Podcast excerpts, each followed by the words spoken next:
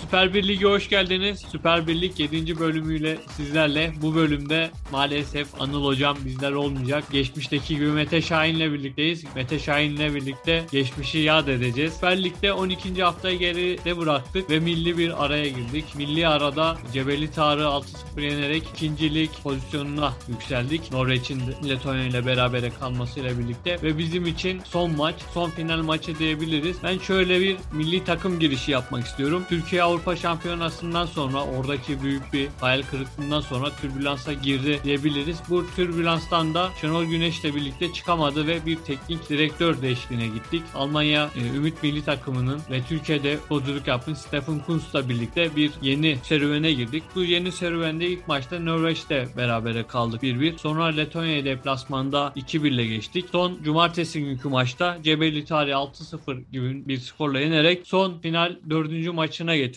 ve Karadağ deplasmanındayız. Burada tabi bizim yine Türk oyunları, matematiksel oyunları devreye girdi Mete abi. Bu olasılıkları da konuşacağız. Evet. Ama ben ilk önce Cebeli Tarık maçını senden yorumlamanı istiyorum. Stephen Kuntz'un bazı oyuncu tercihleri tartışıldı işte. Serdar Güller'i niye almadın? İşte Barış Alper Yılmaz'ı alması, Yusuf Sarı'yı alması. Hani bu tabii ki Türk milli takımı için çok değerli oyuncular ama bunların performanslarına bakıldığında daha hak etmiş isimler vardı. Ama şu an tartışılmıyor çünkü bir önemli bir serüven ve maç var önümüzde. Cebeli Tarık maçını nasıl değerlendiriyorsun? Şimdi öncelikle tabii ki ortada şu an gelinen bir durum var. Şimdi tam 6-0'lık skor bizi Norveç'in üzerine averajda attı mı? Attı. İkili averajda Norveç'ten üstün müyüz? Üstünüz. Yani her şey yolunda giderken işte kadroda niye o yoktu, bu yoktu tartışmalarını ben çok doğru bulmuyorum. Ha ama e, teknik ve taktiksel bağlamda ben de mesela Cebeli Tarık maçında Barış Alper Yılmaz tamam denenebilir. Galatasaray'ın aldığı genç bir futbolcu. Daha 20 yaşına bile girmemiş.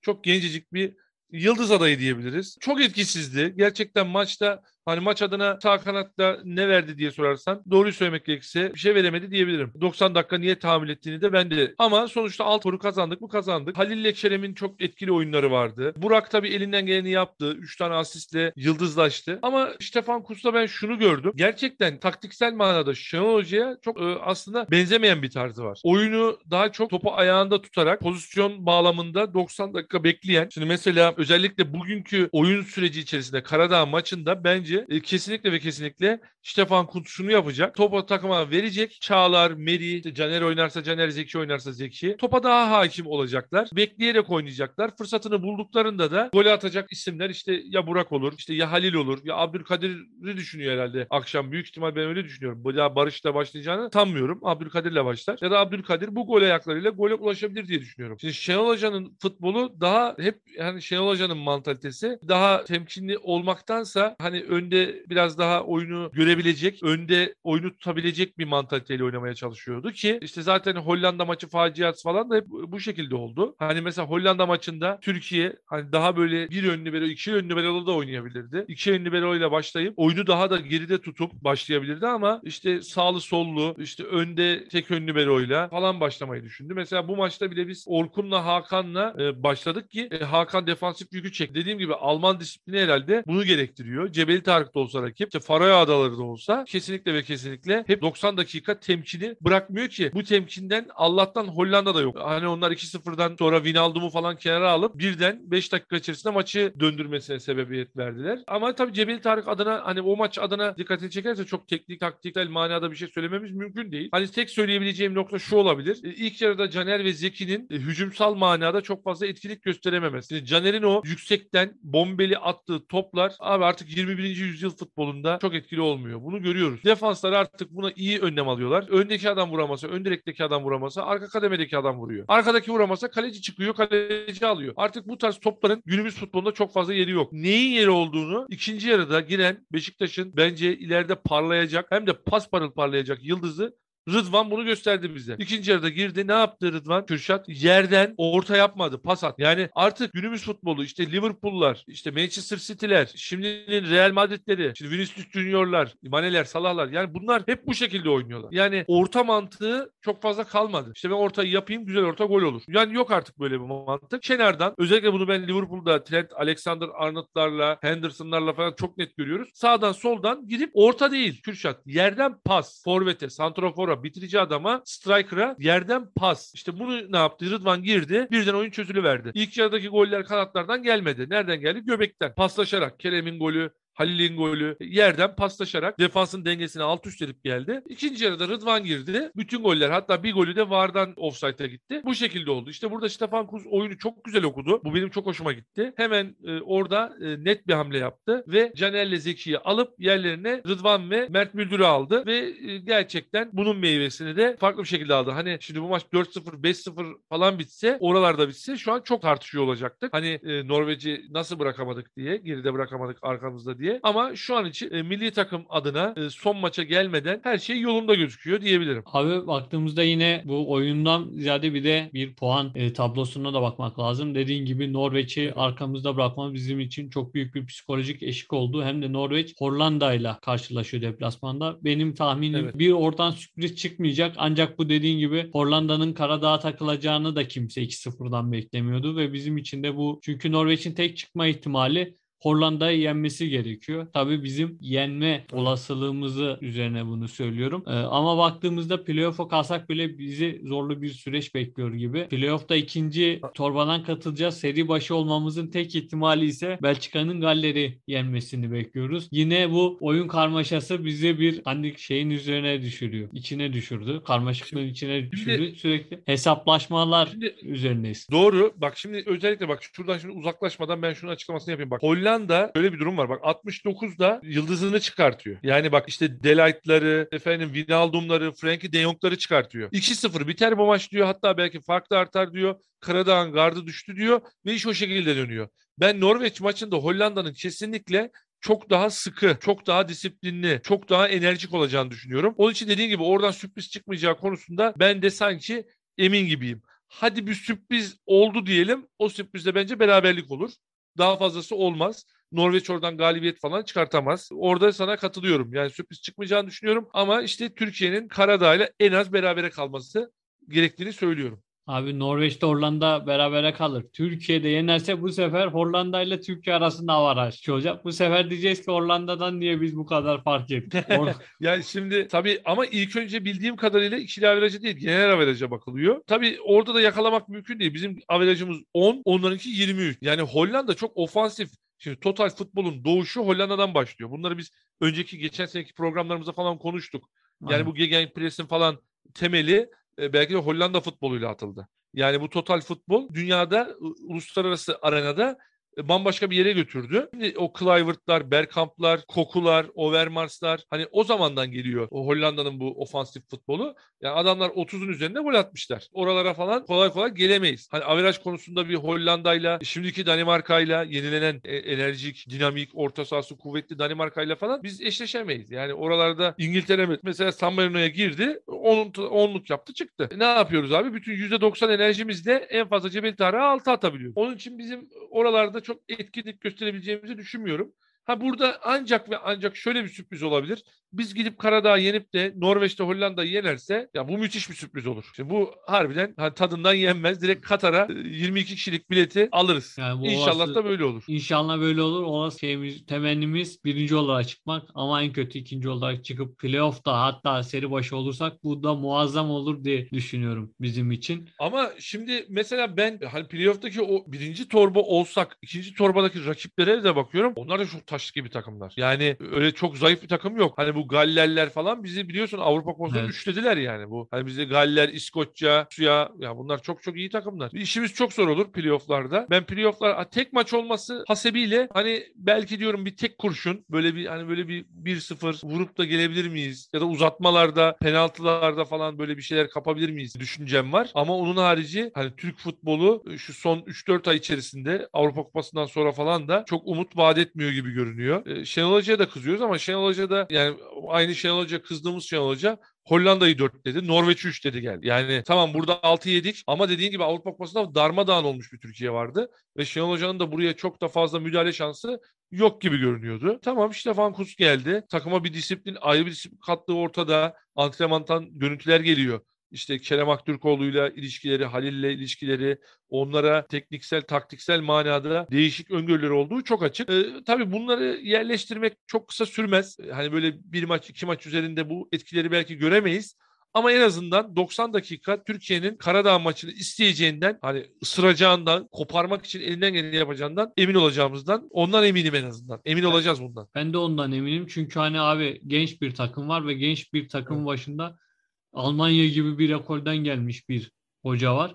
Ve bu hocanın açıklaması bu takım Kuntz'un takımı ya da başkasının takımı değil bir Türk milli takım olacak. Onun altyapısını hazırlıyoruz diyor. Ve baktığımızda Kesinlikle. ben de sana katılıyorum. Final maçı olarak görülüyor. İlk başta da söylemiştim. Çünkü 3 maç kazanıp buraya gelmişsin ve son finale yapmakta o gençlerin ve başarılı olan açlığı da çok önemli. Tek bir Burak Yılmaz var. 35 yaşını geçmiş. Diğerlerine baktığımda 24, 25, 26 bandında. En fazla oralar evet. En fazla hani, oralar. Ben burada tabii ki Türkiye'nin parlayan yıldızı Uğurcan'a çok güveniyorum abi. Seninle konuşmuştuk. Karadağ'dan gol yiyeceğini düşünmüyorum. Mesela baktığımızda Süper Lig'de de parlayan bir yıldız. %80 kurtarışta dünya sıralamasına giriyor. Milli takımda bu seninle konuşuyor. 2,5 kurtarma oranıyla kaçıncı sıradaydı? 27. sırada. 27. sırada ama Trabzon'daki performansıyla birlikte bu kalede de güven veriyor. Ama tabii aynı şey değil. Milli takımda tabii ki şimdi Hollandalara, Norveçlere karşı oynuyorsun. E şimdi tabii ki ligde işte bir Kayseri maçı var. Bir işte Karagümrük maçı var. Kasımpaşa maçı var. Tabii ki aynı e, top oranı gelmiyor.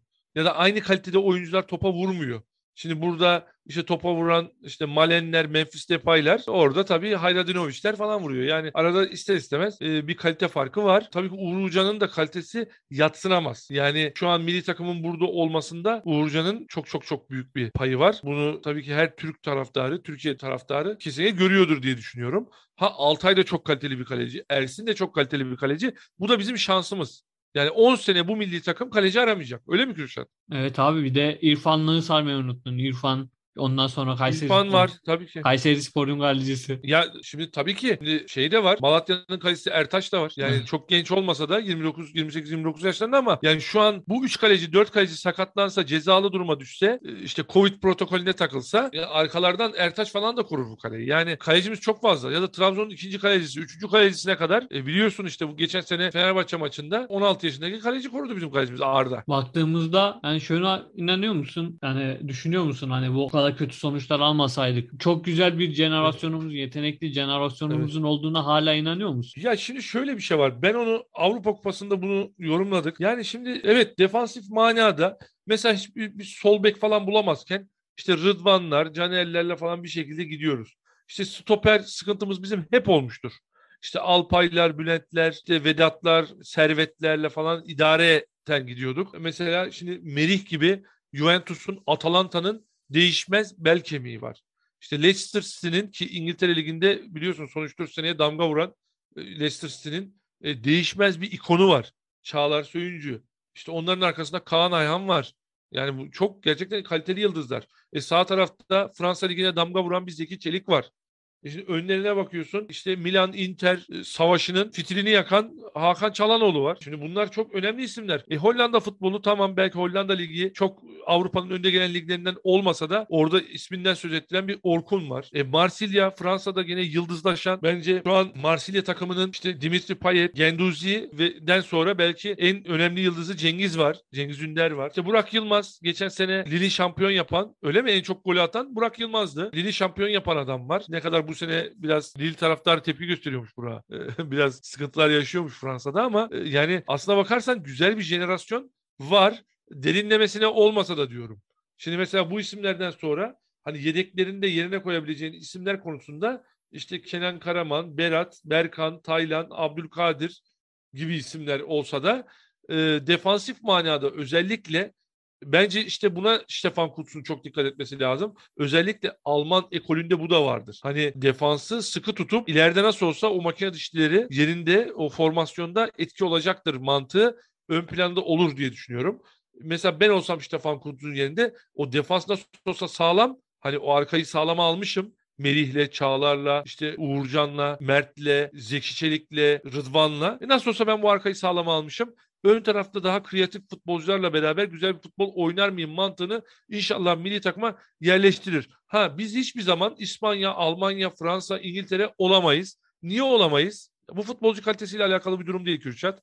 Kesinlikle onunla alakası olan bir durum değil. Bu neyle alakalı? Şununla alakalı. İspanya'nın U13 takımını izlediğinde, U15, U17, U20 takımını izlediğinde aynı futbol oynanıyor. Aynı sistematik düzen sahada. Futbolcular aynı mental yapıda. Ama bizde bir maçta bir maç arasında A milli takımın sistematik formasyon açısından fark. Bakıyorsunuz bir milli maçta milli takım çok iyi top oynuyor. Diyorsunuz ki Allah Allah çok güzel. E bir maça bakıyorsunuz. E yok o milli takım yok. Sahada yok. Niye o formasyonda oynayamıyoruz? O sistematikte oynayamıyoruz? E çünkü herhangi bir sistem oluşturma çabamız yok. Ben ilk defa hani bu tarz e, Alman genç Türkiye'yi de bilen zamanında Beşiktaş'ta top koşturmuş. Stefan Kuntz da belki e, bu sistematiğe hani ulaşır mıyız bilmiyorum ama belki bir adım atılır diye düşünüyorum Kürşat. Ben de şuna katılıyorum. Bizde bir e, futbol kültürü, mantalitesi yok. Mesela İspanya'da işte o total futbolla birlikte gelmiş bir sistem var. Bunu altyapıdan direkt A takıma kadar e, futbol ezberine dönüştüğünü görüyoruz. Almanların disiplinli oyunu, Fransızların yeteneğe bağlı çok güzel hızlı oyunları baktığımızda mesela bunu diğer milli takımda göremiyoruz. Çünkü mesela Norveç maçında aha biz bunu oturtturduk diyoruz. Bir maç sonra bozuluyor. Çünkü kişilere bağlı bir sistem var ve milli takım umarım bu Stefan Kuntz'la birlikte bunu değiştirir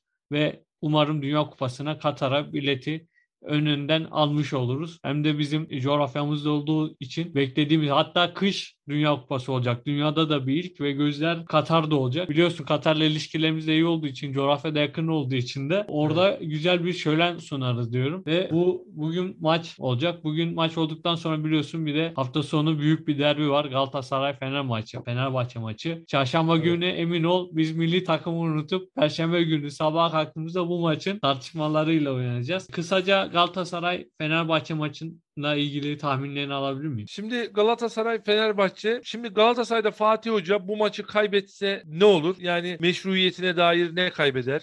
Tartışılır mı? Tartışılmaz. Ama e, Vitor Pereira ben gideceğini söylemiştim. 15 gün en fazla bir ay sürer demiştim. Ali Koç çok ilginç açıklamalar yaptı. Vitor Pereira'nın arkasında olduğunu söyledi. Bana göre çok çok büyük bir hata yapıyor.